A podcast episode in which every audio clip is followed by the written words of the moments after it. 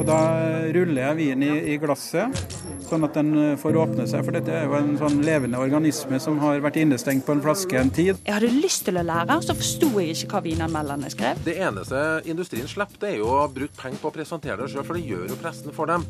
Og den koblinga mellom Vinmonopolets presentasjon og pressens aggressive presentasjon-policy, den uthuler jo reklameforbudet på en utrolig bekymringsfull måte. Nesten skammelig måte.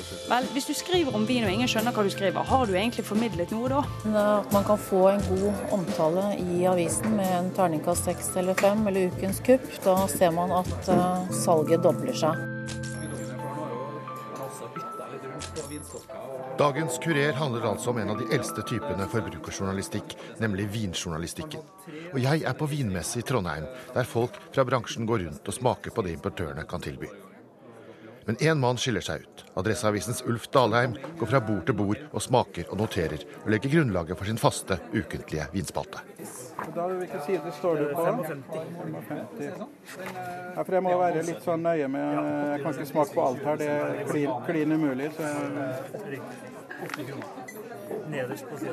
ja, riktig. Nei, men da smaker jeg det. Det er en, barbe, en Barbera. Det er ren Barbera Frosty. Nizza. de. Årgangene? 2007. Det er nyhet i, i BU, ja. Det var fin frukt. Ja, Ulf Dalheim, her går du rundt og smaker og spytter. og Er det mye god vin? Ja, det er mye god vin. Det, er, eh, de bruker å si at det er mye vann mellom eh, båtene, men eh, det er ikke det her. Altså, det er så langt. Nå har jeg ikke smakt så mange, men jeg er ferdig med en rundt 20, da, og det virker ganske bra. Det er litt forskjellig eh, både i prisklasse og i, i kvalitet og stil. Da. Det er det, er det bestandig. De er jo litt ivrige til å, til å skjenke deg her. Ja, de vil jo gjerne at jeg skal smake på absolutt alt de har, og det prøver jeg å si nei til. at eh, det nytter ikke. Da kommer jeg ikke på mer enn et par bord. Da, så det- er jo mange hundre viner her. ja, det er vel en 200-300. Ja, så jeg rekker kanskje en 50-60 på en par timer her nå. Ja. Hva, ser du skriver i eh, hva, hva, hva, slags stikkord er det du Ja, det er korte stikkord da om eh, jeg føler at vinen er eh, hva slags frukt er fin, om det er en eh, fyldig vin, om det er en lettvin. eh, Litt, eh, sånn små karakteristikker, sånn at jeg har litt å huske. Normalt så husker jeg vinen når jeg ser navn og etikett. eh, Men med et, eh, et par-tre stikkord i tillegg, så, så husker jeg kvaliteten. Og så noterer jeg sånn noenlunde poengsum. Men klarer du å huske å holde fra hverandre så mange viner?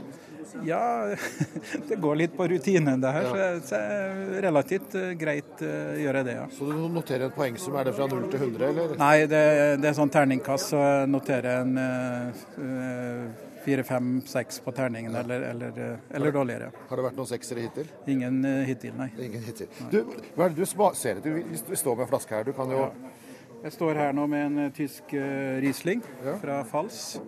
Eh, Med skrukork, som eh, det er blitt veldig mye av da. Ja. Når jeg da skjenker den, åpner skrukorka og, og skjenker den i glasset, så er det første jeg ser etter da, er, fargen på vin. For det, det forteller veldig mye. Her er for det første en klar, da. Det betyr at det er en, en vin det ikke er noe feil med. For hvis det er noe feil, så vil jeg fort si at den kan være litt uklar. Så den skal helst funkle litt. Rann. Eh, Og så vil du se på fargen, eh, for det første om det er hvitvin, rosévin eller rødvin. Da, men jeg vil også se om det er en ung eller en gammel vin. Den her er ganske lys. Den er ganske lys, og det betyr at den er, ung, og den har heller ikke fått noe eikelagring, så den har fått noe gulfarge av, av eikevanilin som kommer derifra. Så, så går vi på og, og begynner å sniffe, altså lukte på den.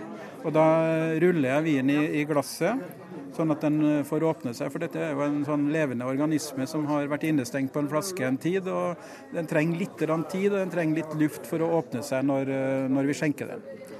Eh, Og så er det å, å lukte på den da, og da drar jeg inn og, og prøver på en måte å danne meg et inntrykk av hva jeg kan forvente når jeg får den i, i munnen senere. Uh, og her kjenner jeg litt sånn friske, grønne epletoner, litt eh, urter, eh, kanskje en aning eh, sitrus, tropisk frukt. Um, og Hvis jeg finner igjen de tonene når jeg smaker på den, så betyr det at en vin som er noenlunde i balanse med seg sjøl, og det er også viktig. da. Så når jeg har liksom bedømt den gjennom nesen, så er det den siste bedømminga å smake på den. Og da tar jeg en, en ikke så altfor stor mengde i munnen. Slipper inn litt luft og bruke litt tid på å rulle den rundt i, i ganen. For all smak sitter på tunge og i ganen.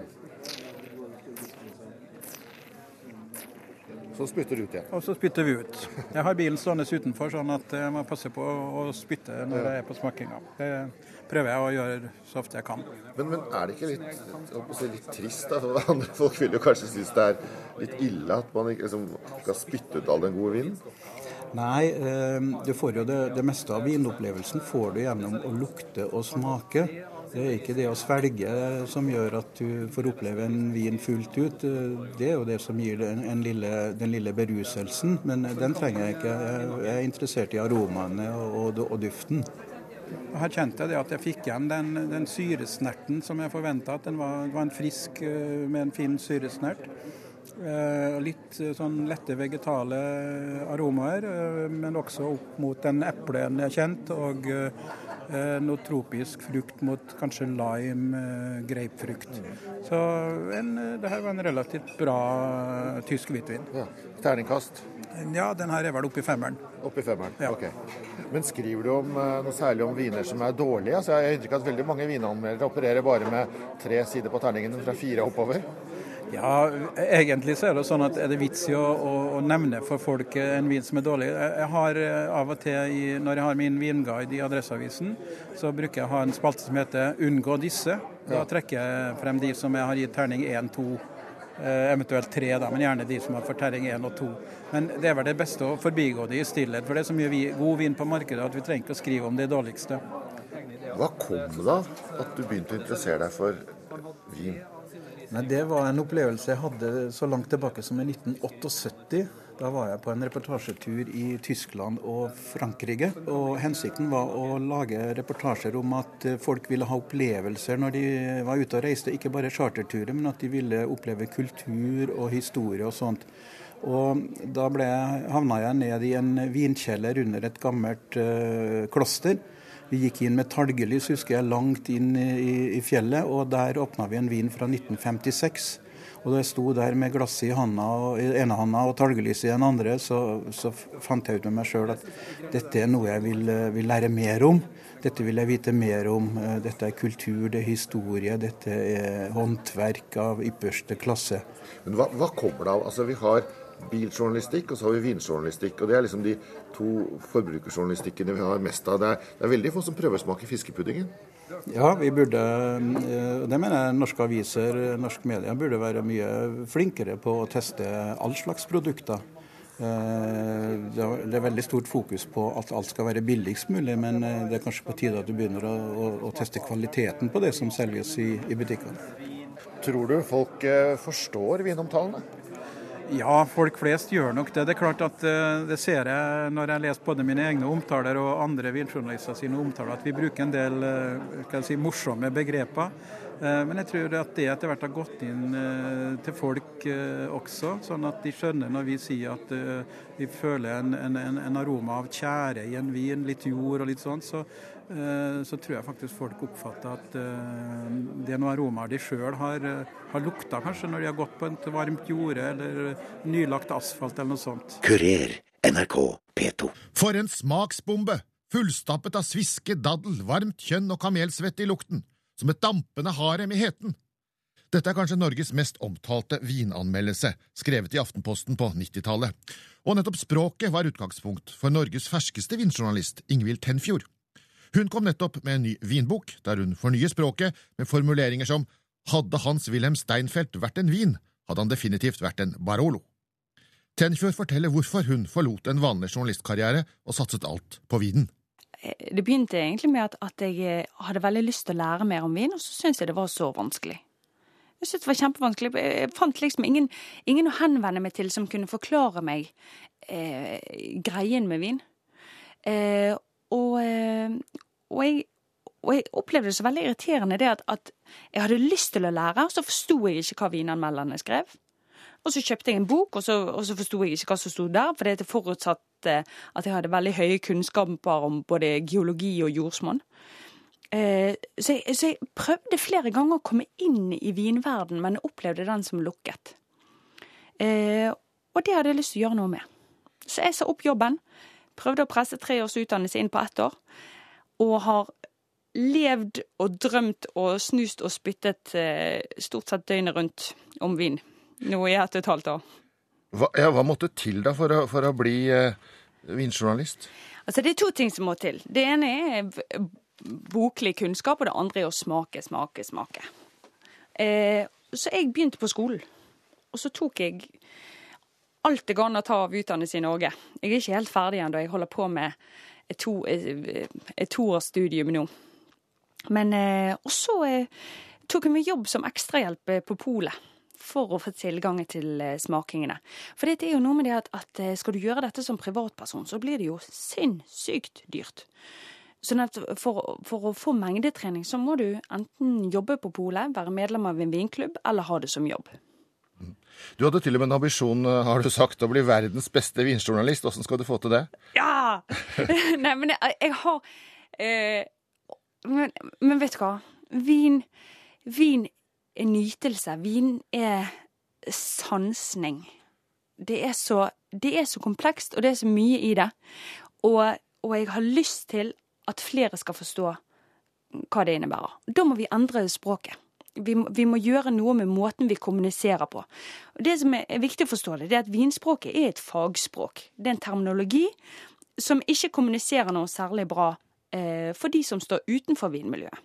Og det jeg lurer på det òg, det er Vel, hvis du skriver om vin og ingen skjønner hva du skriver, har du egentlig formidlet noe da? Er det vanskelig å bli akseptert av eh, dem som har drevet i denne bransjen i 20-30 år og smakt tusen på tusener av viner? Ja, det er det. Vin, vinbransjen er eh, veldig hierarkisk og lite, sånn at de fleste de fleste kjenner hverandre fra før og har, kjent, og har fulgt med på hverandre i mange år. Og så plutselig så kom jeg brasende inn døren. Halla igjen! Og i tillegg så sa jeg at jeg skulle bli verdens beste vinjournalist. Sånn at jeg fikk mye bank, altså. Jeg fikk mye bank.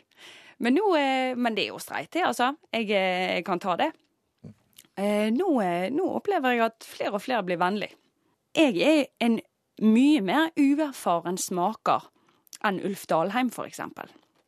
Men det er også en fordel, for jeg husker veldig godt hvordan det var å ikke kunne noe om vin. Og jeg forstår hva leserne trenger for å begynne den reisen inn mot vin. Ja, Du har nettopp utgitt en bok eh, om vin. Har vi ikke nok vinbøker? Min vinbok den heter Skål. Det er ingen andre den, den, Du kommer til å se på coveret med en gang. Den, den skiller seg ut. Eh, veldig mange vinbøker, de er, de er tunge. De er like morsomme å lese som telefonkatalogen. Eh, og de retter seg inn mot et segment som allerede kan veldig mye om vin. Eh, så hva gjør du hvis du ikke kan noe, eller hvis du bare kan litt? Da trenger du jo noen som kan forklare deg hva er greien med Chablis. Hva, hva, lager de i Spania? Hvor skal jeg begynne hen? Og det er det spørsmålet jeg får hele tiden nå. Det er hvor skal jeg begynne hen? Nå har jo Vinmonopolet mange tusen forskjellige viner. Klarer du å ha oversikt over eh, alt sammen? Eh, nei, det kan jeg si. Ikke ennå. Men jeg, kan si jeg prøver å ta unna med begge hender. Jeg gjør så godt jeg kan. Eh, nå disse siste to ukene så har jeg eh, vært på to eller tre smakinger hver dag. Eh, så nå har jeg den tunge jobben å prøve å smake meg gjennom hva som finnes på det norske markedet. Ja da. Det, det er en eh, veldig morsom, men, men krevende jobb. Hvorfor skal vin egentlig være så, så vanskelig? Er det, er det, Ja, er men Det skjønner jo ikke jeg Ja, heller. nei, men- det er jo ingen grunn til at vin skal være vanskelig. Det er bare tull. det, virker jo noen, det virker noen ganger som det er en konkurranse. Ja, jeg er helt enig. Og det, er, og det, og, det, det gjør meg så irritert. Det, det, vin er blitt en statusmarkør som folk bruker til å markere avstand fra resten av folket. Det er bare tull. Vin er gøy, vin er nytelse, og det handler om at du skal finne og utvikle din egen smak. Nå er det jo eh, slik at veldig mange av de som skriver om vin i avisene, har dette som en bigeskjeft. Det er ikke hovedjobben deres, de har det bare som en del av jobben. Har du tenkt å prøve å leve av å være vinjournalist på heltid? Ja, det har jeg. Går det an? Det går an. Jeg har akkurat gjort det. Og er ikke det det? Vet du, det er en av de tingene som jeg synes er så vidunderlig med dette. Det går an. Dette var min umulige drøm. Og her står jeg ett og et halvt år seinere, og så har jeg gjort det. Det går an å leve av det. Åh, jeg har til og med fått et reisebudsjett, kan du tenke deg? Jeg elsker det. Og Ingvild Tenfjord skriver seinere i høst om vin i Bergens Tidende og A-magasinet. Vinmonopolet er jo en viktig kontakt for vinjournalistene. Men kommunikasjonsdirektør på polet, Halvor Bing-Lorentzen, mener deres betydning ikke må overdrives. Eh, vi ser at vinjournalistene de, de, har nok en betydning på hva som selger. Eh, men vi, vi, gjør også undersøkelser på, og vi spør kundene våre hva er det faktisk som er avgjørende for deg når, vi, når, du skal handle vin. Og Da ser vi at anbefalinger fra vinjournalistene kommer ganske langt ned på listen. Det vil si det er jo andre forhold, sånn som smak og hvordan, hvordan produktet smaker osv. som er langt viktigere. Men, men, også da anbefalinger fra venner og kjente, fra betjeningene våre og butikkene. Og som sagt da altså vinjournalistenes eh, omtaler noe lenger ned. Hva slags kontakt har dere med vinjournalistene? Eh, vinjournalistene er eh, en gruppe mennesker som eh, vi, eh, vi, har, altså vi, har, vi, gjennomfører nyhetsprøvinger for annenhver måned når vi lanserer nye produkter. Og Det foregår på den måten at vi har en, eh, en smaking. altså Vi presenterer alt det som vi lanserer i våre butikker, slik at de får, kan, kan smake seg gjennom det. Vet journalistene hvilken vin det er de smaker på? Nei, det er noe av poenget her at, at alle produktene de prøves blindt. Altså det er, eh, etikettene holdes skjult, slik at de ikke, ikke ser de når de smaker produktene. Får alle journalister som vil være med på dette her? Vi har nok en, en større gruppe mennesker eller journalister som ønsker å være med enn det det er plass til. Så det er på en måte etter hvert som det har kommet mange nye nettmedier til osv., så, videre, så så er det en, en, ramme rundt dette prøverommet som rommer da 20 journalister. Så det er ca. 20 journalister som inviteres hver gang. Altså Vi ser det Vinmonopolet begynte med, med, med disse eh, faglige smakingene av nyhetene for 25 år siden nå i år. Og eh, den gangen vi startet, det var forstått før min tid, men, men, da vi startet med dette, så var det ikke mange medier som, som skrev om vin. og i dag så er det jo veldig mange, mange steder man kan lese omtaler av vin. Eh, så det er klart at på den ene side kan man kanskje si paradoksalt nok så hadde kanskje vinjournalistene større makt tidligere i den forstand at det var ikke så mange steder man leste om det. Og når du først, først en vin eh, fikk en veldig god omtale et sted da, så, så, ble den veldig raskt utsolgt. I dag så er det så mange på markedet, så, så det, på en måte, er litt forvitret den, den makten journalisten har. Det er i hvert fall ikke så stort press på produktene som får god omtale i dag som tidligere. Men, eh, men samtidig så er jo da omfanget og omtalen økt noe, noe veldig. Syns du det er bra at det er såpass såpass mye omtale av vin? Eh, det er klart at det har vært en stor endring. og den, eh, Det at det har vært en endring og et større fokus på vin, har jo ført til at eh, folk handler kanskje mer. Det er jo trekk som tyder på det, og i så måte så er jo ikke det veldig positivt. Men samtidig så det, har nok den rollen som vinjournalisten har, på en måte spilt ut litt rolle i den forstand at det er så mye nå. At det, at det totale Altså Hva som faktisk selger, det, det, det spørs om det har så mye å si på det. Men det er noen som er kritiske. Avholdsorganisasjonen Blå Kors er ikke glad for all vinomtalen. Jan Elverum er generalsekretær. Vi har reklameforbud i Norge. Det vi ser i praksis, det er at eh, vinspalter og eh, redaksjonell omtale av alkohol etter hvert har blitt så omfattende, det har blitt så populært. Sikkert fordi det selger aviser, da. Det er, går jo langt utover det som ellers skjer i Europa. Og det bekymrer oss veldig, og vi, vi, vi, tenker om det at det er en omgåelse av reklameforbudet. Så dere ser på dette som en slags skjult reklame? Ja, indirekte så gjør det jo det. Juridisk så holder det vel vann, antageligvis. Men eh, i praksis så er det jo en omtale av alkohol som de sikkert måtte ha betalt Bransjen måtte ha betalt eh, mellom 50 og 100 millioner i året sikkert for å oppnå tilsvarende. Og vi gjorde en, eh, en, eh, gjennomgang i 2009, og da så vi at uh, i de tre største avisene i Norge, så var det ca. 350 helsiders promotering av vin i løpet av et år. Og det er ekstremt mye. Tror du dette påvirker forbruket? Definitivt. Det har jo tredobla Eh, vinomsetninga i løpet av kort tid. Det, det, det, setter jo en slags agenda for hva som er eh, normalt, og hva som er må til for å ha et godt måltid, for å oppleve en vellykka julaften, for at ferien skal bli vellykket. Alt det der som pressen da forteller oss vi må ha for at det, det skal være bra. Og Det oppleves som det normale, og, og det er jo også litt av poenget Eh, og det bidrar selvfølgelig til omsetningsøkning. Dere ville ha en endring i den såkalte Vær varsom-plakaten, som er pressens etiske eh, retningslinjer. Hva var det dere ville ha forandret der? Myndighetene er jo selvfølgelig veldig tilbakeholdne med å lovregulere det her, fordi det begrenser ytringsfriheten. Men dermed så er man avhengig av at pressen sjøl har en større sjøljustis.